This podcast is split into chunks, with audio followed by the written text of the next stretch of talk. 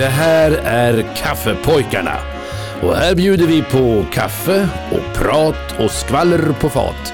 I samarbete med våra sponsorer ICA Maxi, Boglundsängen i Örebro och Eddis Tak, Bygg och Entreprenad i Fjugesta. Och här sitter som vanligt tre evigt unga gentlemän som heter Bo Fransson. Bosse Jarder. och Peter Flack. Välkomna!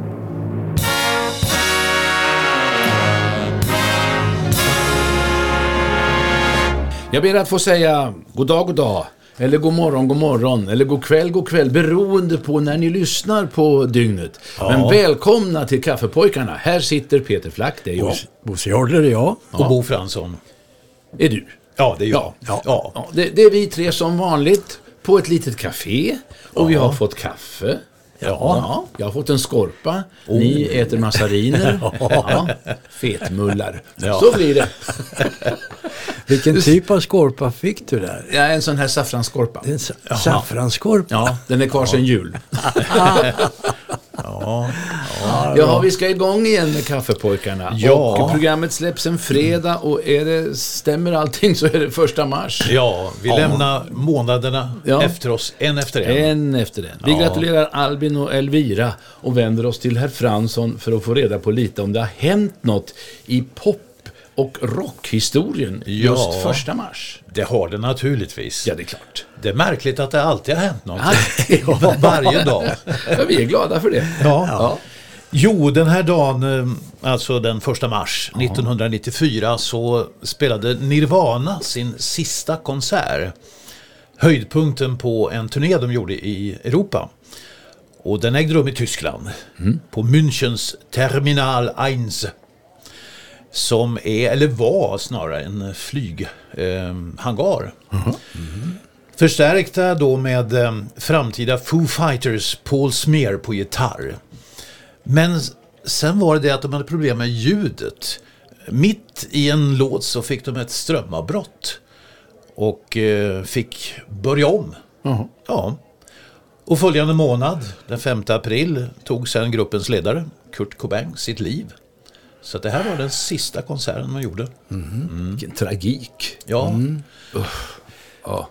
Och den första mars 1997 så sålde David Bowie sina så kallade Bowie Bonds på den amerikanska börsen. Alltså ett värdepapper som hanterade hans royalties eh, från hans tidigare låtkatalog. Och de köptes för 55 miljoner dollar av Prudential Insurance Company of America. Jag blir yr. Ja. ja, det är inte alla som har ett, en, eh, en eh, katalog som är värd så mycket. Nej. Undrar om de har gått med vinst klokt. på det här köpet eller om det har varit en förlust. Ja, det undrar man ju. Hur får de tillbaka de där pengarna? Ja. Nej, jag vet inte. Nej. Jag menar, Ja- Hjalmars alla vitsar som jag har dragit som, Ja. som Hjalmar i revyerna, Ja. de är ju till salu, min katalog. Jag, jag, jag vill säga det, men jag tycker 24 miljoner som jag har som bud nu, Ja. tycker, det är för lite. Det är för lite. Det är för lite. Så, Ja. Nej, det måste upp. Ja. ja.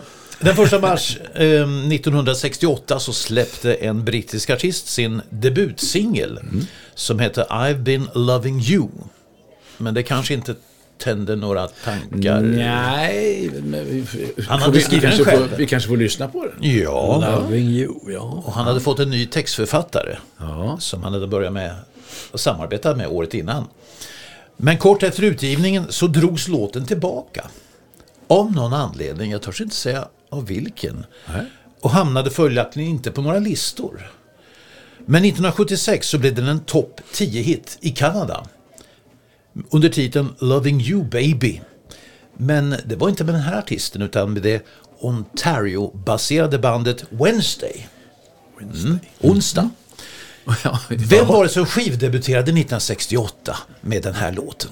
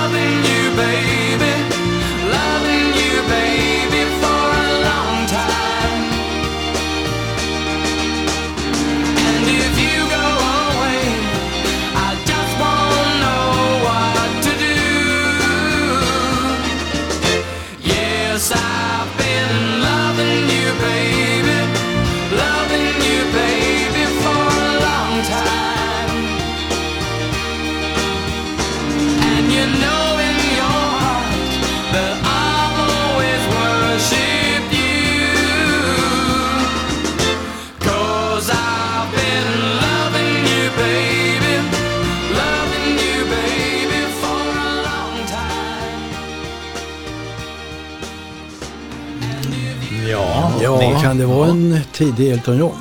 Det kan det absolut vara. Det är inte bara kan det, Men det varför var det. drog man tillbaka då? Jag fattar inte det riktigt. Nej, eh, jag vet inte. Den, var lite, den blir lite melodiskt med eh, tiden här. Och det kanske lite, kändes lite för olikt honom, jag vet inte. Jaha. Ja. Eller var texten kanske, kanske var kontroversiell? Eller? Ja. Ja. Nej, jag har ingen Någonting. förklaring. Men du har fått tag på den nu i efterhand? Ja, ja. Den, den har liksom ja, släppts? Eller? Den finns på en någon eh, sån här rarity-skiva. Ja, ja. ja. Vad har- kul! Vad Den har vad legat bra i, i det. Fransens bokhylla i många år. Jag, det, jag beundrar att du tog det där Bosse. Det var Ja, bra Han har en speciell röst. Ja, det jo, har han. det har han. Men jag, nej, jag hamnar inte man där i fick, mina man fick tankar. chansa lite. Jag var inte så helt säker. Nej, men jag tyckte det var en fin låt. Ja, ja. ja. jag vet inte varför. Då ska jag göra ett litet inlägg här. Det var nämligen så att ehm, Elton Johns debutsingel den sålde inte så bra som man hade väntat sig. Och det ledde till beslutet att dra tillbaka den från distribution. Och det där är tydligen en vanlig praxis inom musikindustrin. Alltså att dra tillbaka singlar eller album som inte uppnår önskade försäljningsresultat. Så var det. Har du någon fin låt?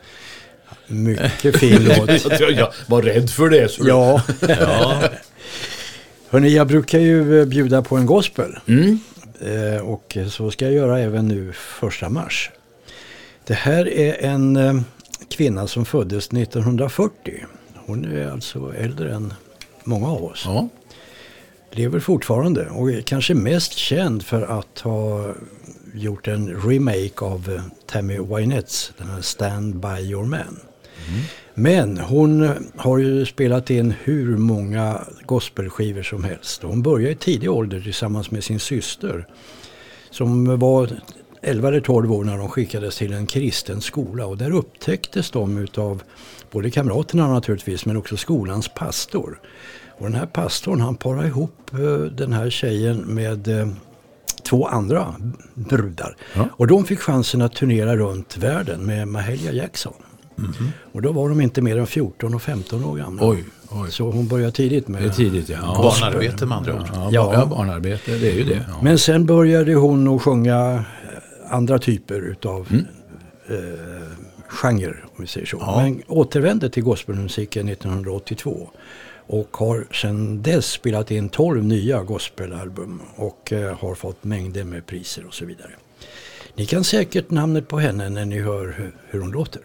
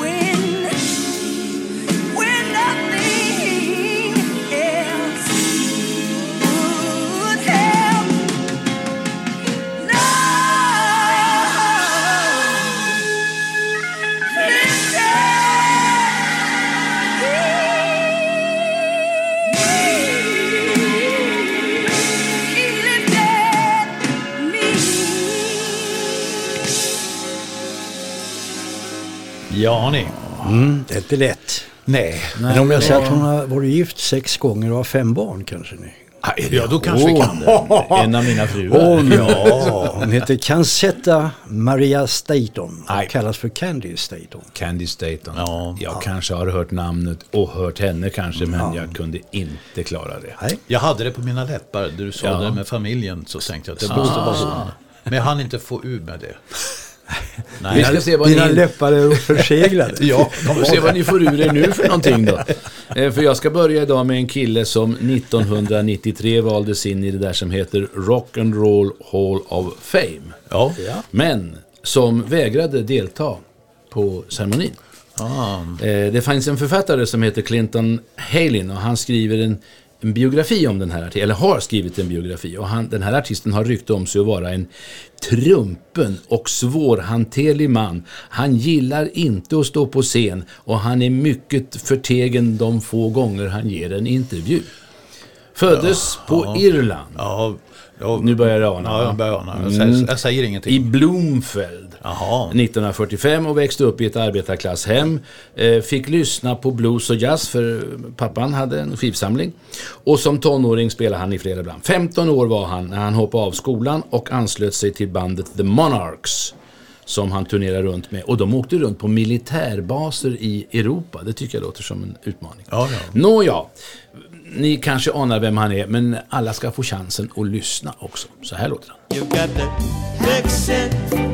You with the positive, eliminate the negative. Latch on to the affirmative. Don't mess with Mr. In Between. You got the spread joy uh, to the maximum. Bring gloom down to the minimum. Or pandemonium liable to walk upon the scene. To illustrate this last remark, Jonah in the whale, Noah in the ark. What did they do? And everything just. They said, Man, you got to exit. To it the positive, eliminate the negative. The affirmative. Don't mess with Mr. In Between.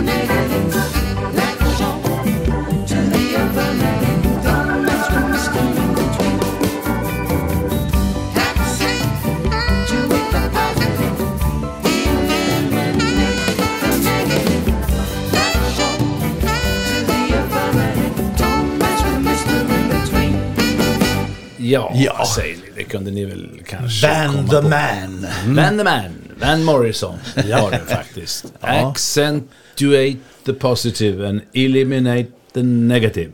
Ja, så Heter kan man låten göra. faktiskt. Ja, men det, Ja. men, Accentuera det som är bra Ja. och eliminera det som är tråkigt. Ja. Ja, det är inte så dumt.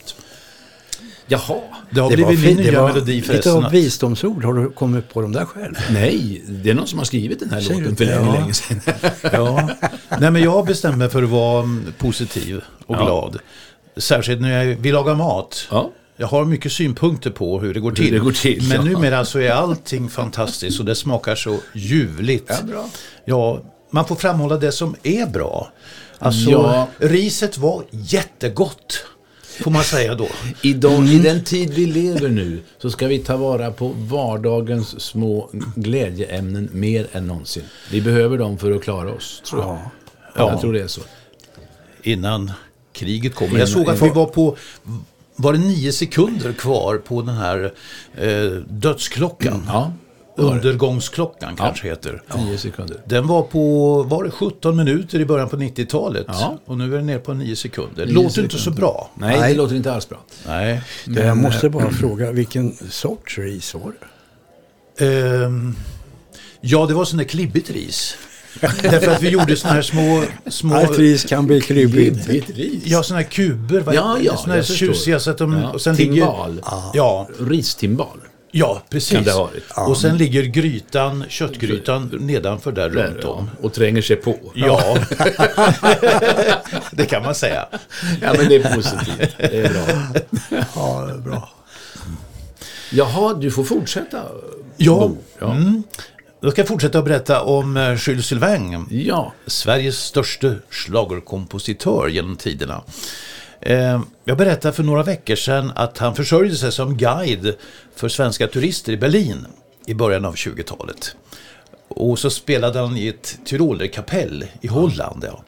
Och försörjde sig som mässpojke på en Lloydbåt med destination Port Said i Egypten.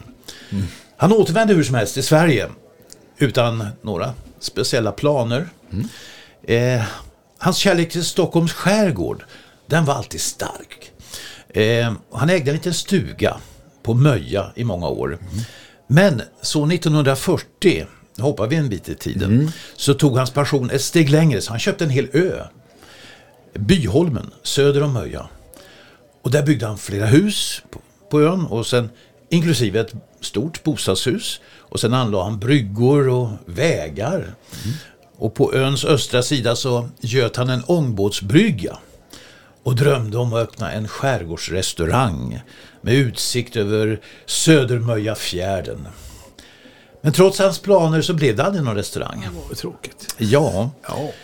Istället så vände han sig till jordbruket och startade en stor jordgubbsodling. Han skeppade lådvis med jordgubbar till Stockholm för försäljning. Men det blev aldrig någon särskilt lönsam affär det där heller. Trots detta blev Byholmen och Södermöja en plats för kreativitet och inspiration. Evert Taube var där och besökte honom på ön. Och det var där som Evert Taube skrev flera av sina visor, till exempel Vals på Sunnanö, som handlar om Södermöja och det pensionat som finns där. Han skrev också Rosa på bal, en visa som sägs handla om den unga vackra Rosa som bodde på Byholmen och arbetade på pensionatet. Mm. Så vad sägs om lite Taube med anknytning till Jules Sylvain? Alldeles underbart. Jag ska låta Olle... Ja, ja, ska jag säga vad? Ja, säg. Ja, Olle Adolfsson. Ja. Han ska få tolka Taubes vals på Sunnanö. Där går en dans på Sunnanö Där dansar Rönnerdal Med lilla Eva Liljenbäck och pensionatets barn och genom fönstret strömmar in från sommarnattens val Doft av syrener och jasmin i pensionatets sal Doft av syrener och jasmin i pensionatets sal. Och lilla Evas arm är rund och fräknig hennes hy. Och röd som smultron hennes mun och klänningen är ny. Herr Rönnerdal, det är som tar vem ni vill ha. Av alla kvinnor jorden runt det har jag hört, haha. Av alla kvinnor jorden runt det har jag hört, haha. Att ta är inte min musik, min sköna men att ge, jag slösar Men är ändå rik så länge jag kan se. Vad ser ni då, herr Rönnerdal? Kanske min nya kjol? Ja, den och kanske något mer. Ge hit en bra fiol. Ja, den och kanske något mer Ge hit en bra fiol Där går en dans på Sunnanö till Rönnerdals fiol där dansar vind, där dansar sjö och snön som föll i fjol. Den virvlar där, det går ett brus igenom park och dal. Och sommarmorgonen står ljus och södergöken gal. Och sommarmorgonen står ljus och södergöken gal.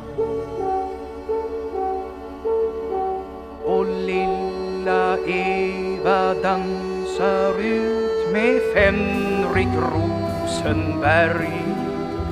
Och inga fräknar syns på yn så röd är hennes färg.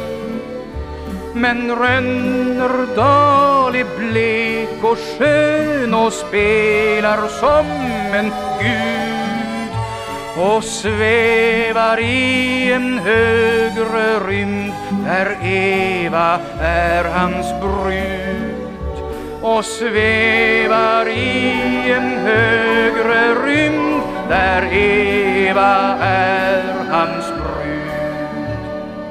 Ja, Evert Taube, vad bra. Ja. Ja, Han är lite underrepresenterad i vårt program, är han inte det? Jo, det det tror jag. jag. Vi har haft honom då och då, men Ja. han har betytt mycket för svensk viskonst. Absolut. Ja. Så att, eh, det här var ju ingen musik av Schüsselwerk, men Nej. det var ju anknytning till Schüsselwerk. anknytningen var alldeles tydlig. Ja, De var ju på ön. De var på ön, Ja, där skulle han jag skrev kunna- den här. Ja. Du skulle kunna spela jordgubbsvisan också. Ja. Kan du den? jag kan inte det. Vad, vad kan du, Bosse? Jag kan berätta för dig Peter som eh, är inne i musikalernas värld. Ja, Att eh, den här killen han skrev tillsammans med sin syster Pia musikalen How Deep Is The Ocean. 2012 var det, så den var ganska, ganska nyskriven. Om den sen gick bra eller dåligt det vet ju inte jag. Men eh, den här killen han var också med i en, en liten roll i filmen Beyond the Sea som ju var filmen om Bobby Darin. Och så dök han upp som sig själv i eh, Netflix-serien House of Cards.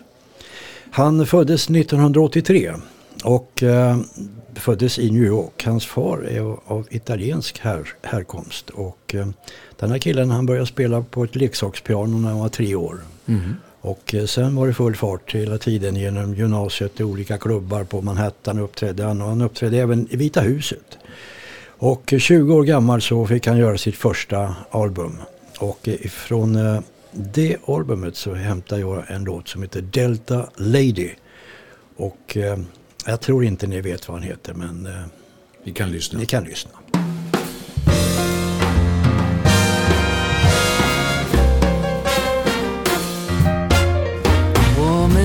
Of the country now that I've found you. Longing in your soft and fertile delta.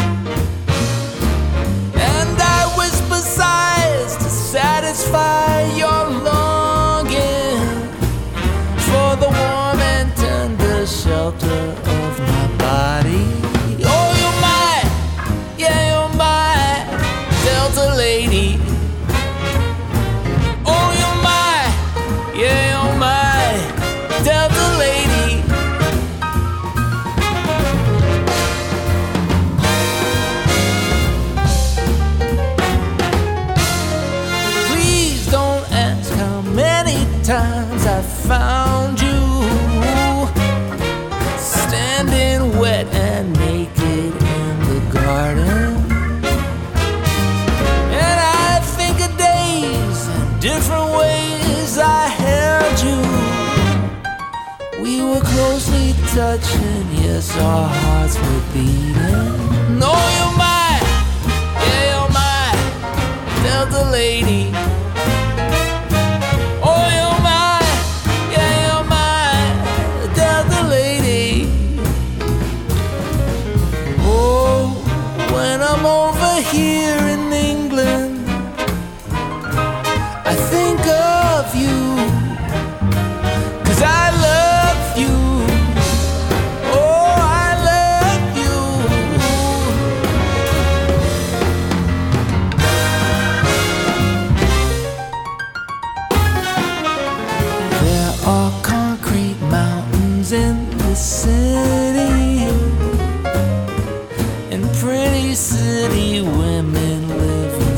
there.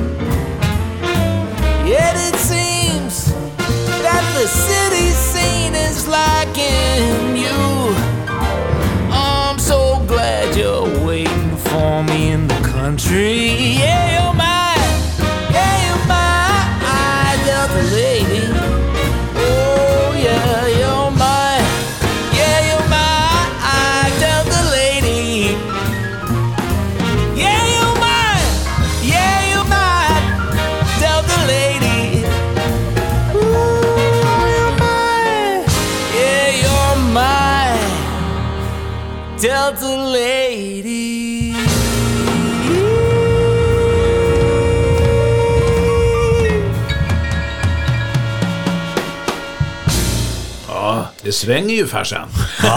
Ja, det gör det. Han heter Peter Cincotti. Åh, ja, vänta, jag tror jag vet vem det är. C-I-N-C-O-T-T-I. Jag skriver upp det. För det här måste jag lyssna mer på. Det var bra, det gillar jag. Ja, Och nu kommer nog mer som jag gillar. ja det är klart. Det är klart. Ja, det är klart. Veckans revyartist, fast de är tre. Och Jaha. för att jag ska kunna berätta om de tre måste jag börja med att berätta om en amerikansk eh, grupp. ehm, som heter The Three Stooges. Ja, just Har det. ni hört talas Ja. om dem Ja. möjligen någon gång? Jodå. Alltså det var en populär amerikansk komedigrupp med ursprung i den här gamla vaudeville-genren. De gånger de har förekommit i Sverige har de ibland kallats för de tre dårfinkarna. Och de gjorde flera hundra kortfilmer och en massa långfilmer under 1930-talet och fram till 1970-talet. Utvecklade en viss sort slapstick-humor. Det var, de, de, de var ju anarkister alltså, men, men det, det var en våldsam slapstick. Det var fingrar i ögonen och det var örfilar och, och, och man slog varandra i huvudet med, med hammare. Och det var förstås den klassiska eh, pajkastningen. Och de här är fortfarande väldigt populära i USA, men har inte riktigt lyckats slå igenom i Sverige. Nej. Men de var inspirationskälla till Tre Knas. Ja, just det. Och de tänkte jag spela nu. Tre Knas, de, slog i Sverige. De Ja. slog ordentligt. Bestod av Nils Olsson, eh, Gunnar Knas, Lindqvist och Carl Gustav Lindstedt. Och Olsson, han eh, blev ersatt så småningom av Kurt Minimal Åström. De här knöts ju an till, då, till, till någon sorts svensk crazy och fick ju jobb i kasinorevyerna. De var med från 46 till 61 tillsammans med Gösta Bernhard och Stig Bergendorf. Två gånger som jag vet har Tre Knas förekommit på film. Den ena hette Stjärnsmäll i frukostklubben. Ja. Där väl Sigge Fürst hade en, en bärande roll, en känsla av. Och den andra hette Regementets ros. Kan hända var det någon mer också. Här kommer den här trion, Tre Knas, eh, veckans revyartister. Och har eh, tagit sig an en slager på sitt alldeles speciella sätt från 50-talet. Den som heter Filosofisk Dixieland. Ja, Alice Eh, du ska Babs göra som Svensson gör. Ja, de ska väl prata in sig här. Bröder, slå ihop böckerna, nu ska vi sjunga. Broder Gunnar, Ja. jag tycker Nils verkar väldigt inbunden. Varför det? Han ligger alltid och sover i bokhyllan. Ja, det har sina sidor. Mm, Ja, det är ett kapitel för sig det. Men det ska vi inte rygga tillbaka för. Nej, nej mensan, pass på, nu sätter vi igång. Säg, jag har kapellmästarnoter att gå efter. Jaha! Gå efter dem då. Hörrni ni, jag ska tala om att jag har varit kapellmästare i tio år. Ja, tala om det. Jag har varit kapellmästare i tio år. Huka er grundligt grabbar för en filosofisk Dixieland. Kantan tar sin dragbasun. Frej sin klarinett. 90 på trumpeten, lira sol och stup i ett. Huka er grundligt grabbar, för här är djupa snubbars band. Nu har de gredat slut i vårat gäng. Och enat sig om en refräng. Det skålar vi allt vad vi kan. Du ska göra som Svensson gör och inte skilja dig från mängden. Du ska tro det som Svensson tror, om du må tro något allt. För att vara just den som stör kan inte löna sig i längden. Du ska göra som Svensson gör, om du gör något allt. Ursäkta mig, mitt namn är Svensson. Ja, det är ingen be om ursäkt för. Vad vill ni här? Jag undrar, spelar herrarna vad som helst på begäran? Jaha, vad vill ni helst att vi ska spela? Femkort. Stick inte upp, stick eller ner, stick upp strike för det lönar sig mer.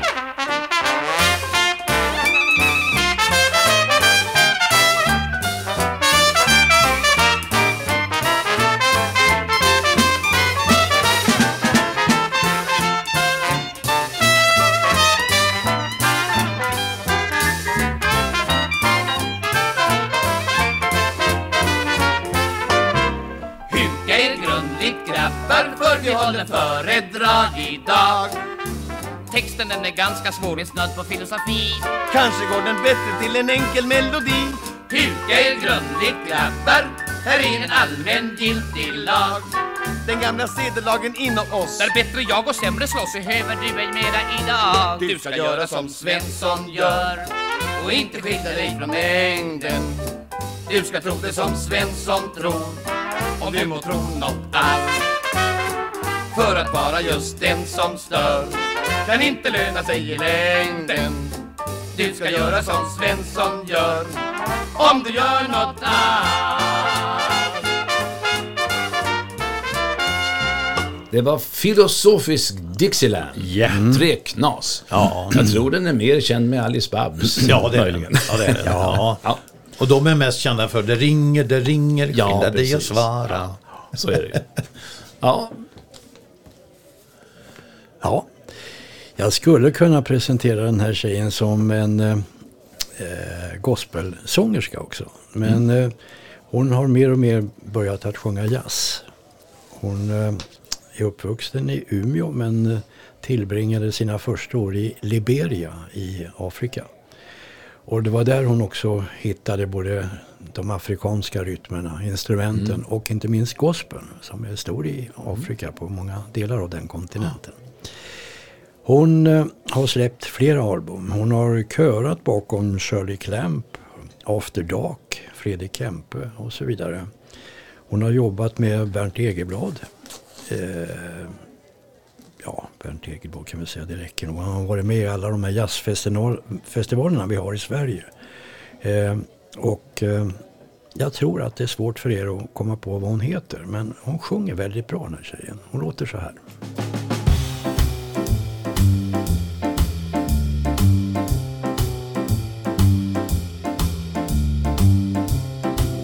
Baby don't care for shows. My baby don't care for clothes. My baby just cares for me. My baby don't care for cars and races. My baby don't care for high tone places. Liz Taylor is not his style, and even Lana Turner's smile is something.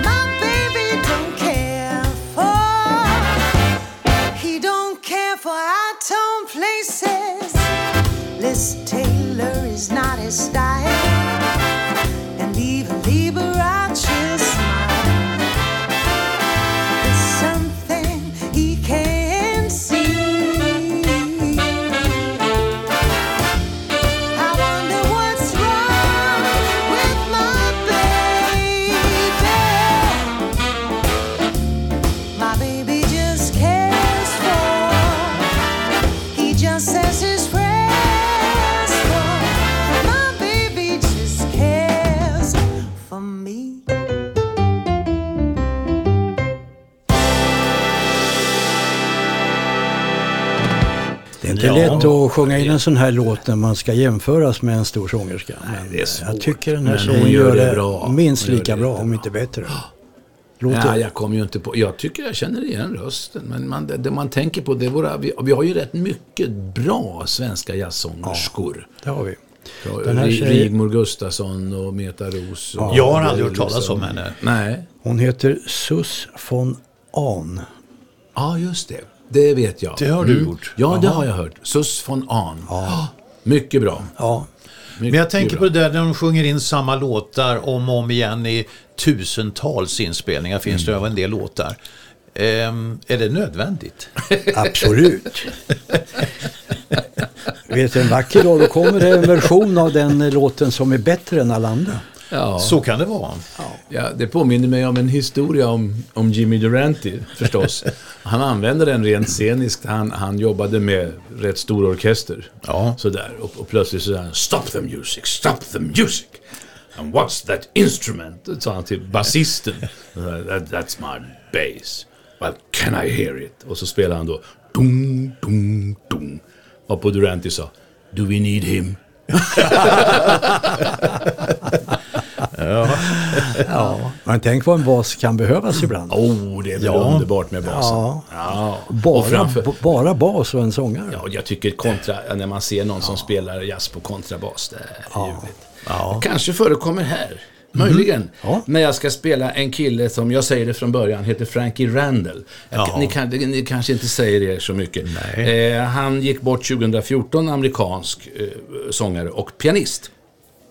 Eh, gjorde, sjöng mest men gjorde några filmroller. Det kan ju vara någon som kommer ihåg. Han var med i Wild on the Beach 1964 och The Day of the Wolves 71. Det måste ju vara en skräckfilm. Ja, Ja, låter det det, som. låter så. Ja. Sen var han med Dean Martin i, i många av hans tv-shower. Och när Dean Martin, eh, framförallt under sommartid då, skulle spela golf så fick den här Frankie Randall hoppa in och vara värd för Dean Martin Show. Så gjorde han inspelningar för RCA, RCA säger väl vi i Sverige, från 60-talet och framåt. Och eh, först var det popmusik förstås, som det var på den tiden. Men sen blev det mer och mer The Great American Songbook förstås, alla de där låtarna. Så spelade han en kväll piano och sjöng på Gillis Bar i New York, Frank Sinatras stamställe. Och där var Sinatra och lyssnade, lyssnade på honom och gav honom jobb. Så han fick ackompanjera Sinatra på piano till och från då och då. Och eh, 1997 så skänkte Frank Sinatra alla sina originalarrangemang skrivna av Nelson Riddle, Billy May, Neil Hefti och Quincy Jones till Frankie Randall. Så när han sen i Las Vegas skulle uppträda med en, en tribute till Sinatra så kunde han använda sig av de gamla fina originalarrangemangen. Du, de, var där, de där var värda pengar. jäkla schysst gest av, av gamla Frankie att- att göra det. Ja, ni ska få lyssna på honom, eh, Frankie Randall, i en låt som heter They Didn't Believe Me. And when I told them how beautiful you are, they didn't believe me. They didn't believe me. Your lips, your eyes, your cheeks, your hair are in a class beyond compare. You're the loveliest girl that one could see. And when I tell them, and I'm certainly gonna tell them, that I'm the man whose wife one day you'll be, they'll never believe me.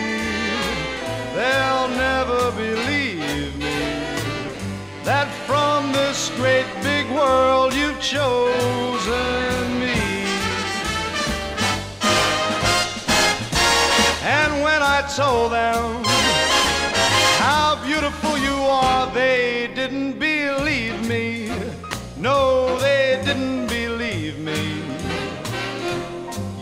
Your eyes, those cheeks, that hair are in a class beyond compare. You are the loveliest girl I've ever seen. And when I tell them, and I'm certainly gonna tell them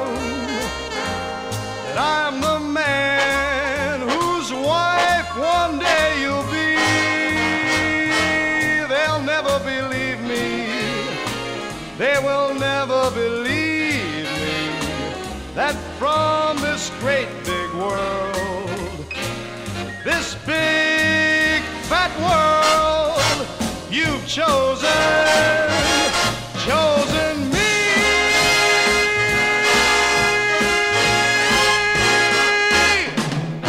Frankie Randall. Var hittar ni alla dessa okända artister någonstans?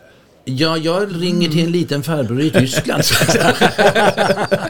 det, det svarade Hasse Alfredson en gång när någon frågade. Var får du alla roligheter ifrån? Ja, det är en liten gubbe i Tyskland. ja. Nej, men det finns Ja. ju, nu, numera finns ju så mycket att hitta på Ja. YouTube och sånt här. Ja. Och, och, och Man läser sig till och sen, sen ska man väl läsa eh, sådana här Wikipedia och sånt här. Ska man väl läsa lite försiktigt. Ja. Det är ju inte alltid som faktiskt som det stämmer. Nej, Nej. Och, och kan de vara här- mycket påhittat där. Jag hoppas det här stämmer för det var så bra med den här killen som fick de här arrangemangen tycker jag. Ja, Sinatra. lite förvånande också att Frank Sinatra tycks ha ägt dem. Ja, ja, han fick dem säkert av, Aha, av okej. de här arrangörerna. Det tror jag. Ja. Mm. Jo, ska Jaha. vi sluta med något eh, onödigt? Ja, vi slutar. Nu är det slut.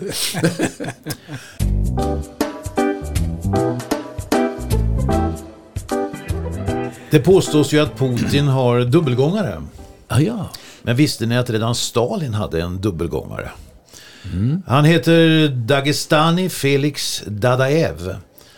Som redan vid 24 års ålder blev den sovjetiske generalsekreterarens officiella dubbelgångare. Före det stora fosterländska kriget var han bara en enkel bondpojke som ägnade sig åt sång och dans. Eh, och det fosterländska eh, kriget, det vet ni ju, det är den ryska benämningen på kriget mellan Nazityskland och Sovjetunionen under andra världskriget. Han kom att hamna i en musikbrigad och uppträdde som underhållare för soldaterna vid fronten. Men ganska snart så nådde ryktena generalerna om hans eh, kusliga likhet med självaste Stalin. Det hade nog stannat vid det om han inte hade blivit allvarligt skadad och fått statusen avliden. Så efter försvinnandet så sattes han 1943 på ett hemligt specialflyg till Moskva där han förvandlades till Stalin.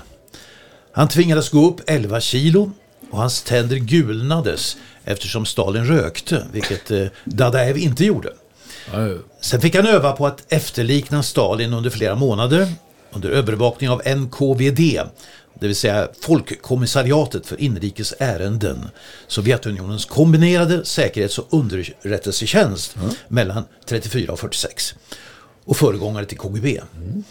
Dadaev fick lära sig att imitera Stalins röst, rörelser och utseende och bland annat sminka ansiktet koppärrigt eftersom Stalin hade lite o, oren hy får man väl säga då va? Och till en början fick han ganska enkla uppgifter. Att dyka upp där det behövdes eller bara sätta sig i en bil. Sen fick han större förtroende. Och det var nu som han ersatte Stalin på allvar. Han gjorde nu officiella besök, tog emot utländska delegationer, medverkade i nyheter och var närvarande vid parader på Röda torget. Ingen som såg honom misstänkte någonting. Endast en handfull personer kände till att han var dubbelgångare. Hans släktingar anade ingenting för de trodde att han var död. Hade stupat. Efter Stalins död så behövdes han inte längre. Utan började ägna sig åt skådespeleri igen. Ända fram till 1996 så var alla uppgifter om hans person och hemliga jobb som dubbelgångare hemligstämplade. Eh, Men då skrev han en bok om sina erfarenheter. Och vet ni? Det sägs att han faktiskt lever fortfarande. Och att han den 2 mars 2023 fyllde hela 100 år. Mm. Bra för en som är död. Ja, bra. Dubbelgångare, det heter på engelska faktiskt doppelgänger.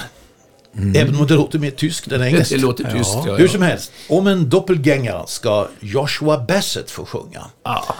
Han är en amerikansk skådespelare och sångare, mest känd för sin roll som Ricky Bowen i tv-serien High School Musical. Mm.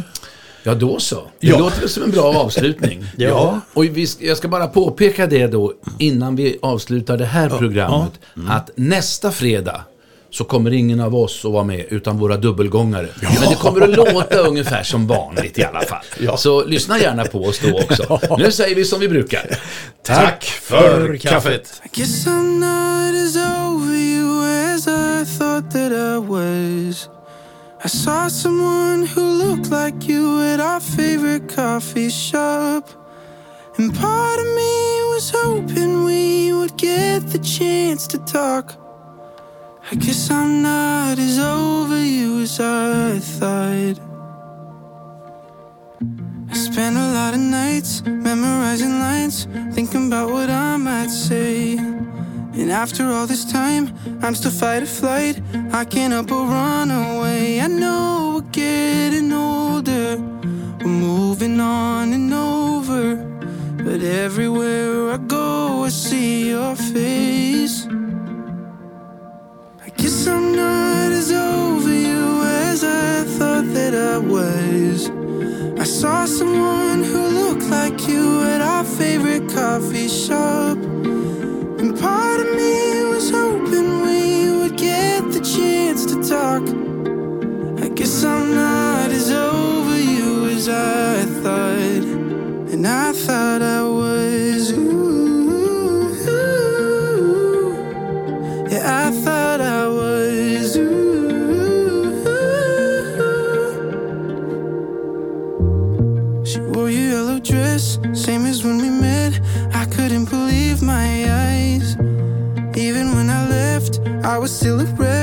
trying to find the reason why I'm scared to death to see ya. but I wanted it to be a. And worst of all, I don't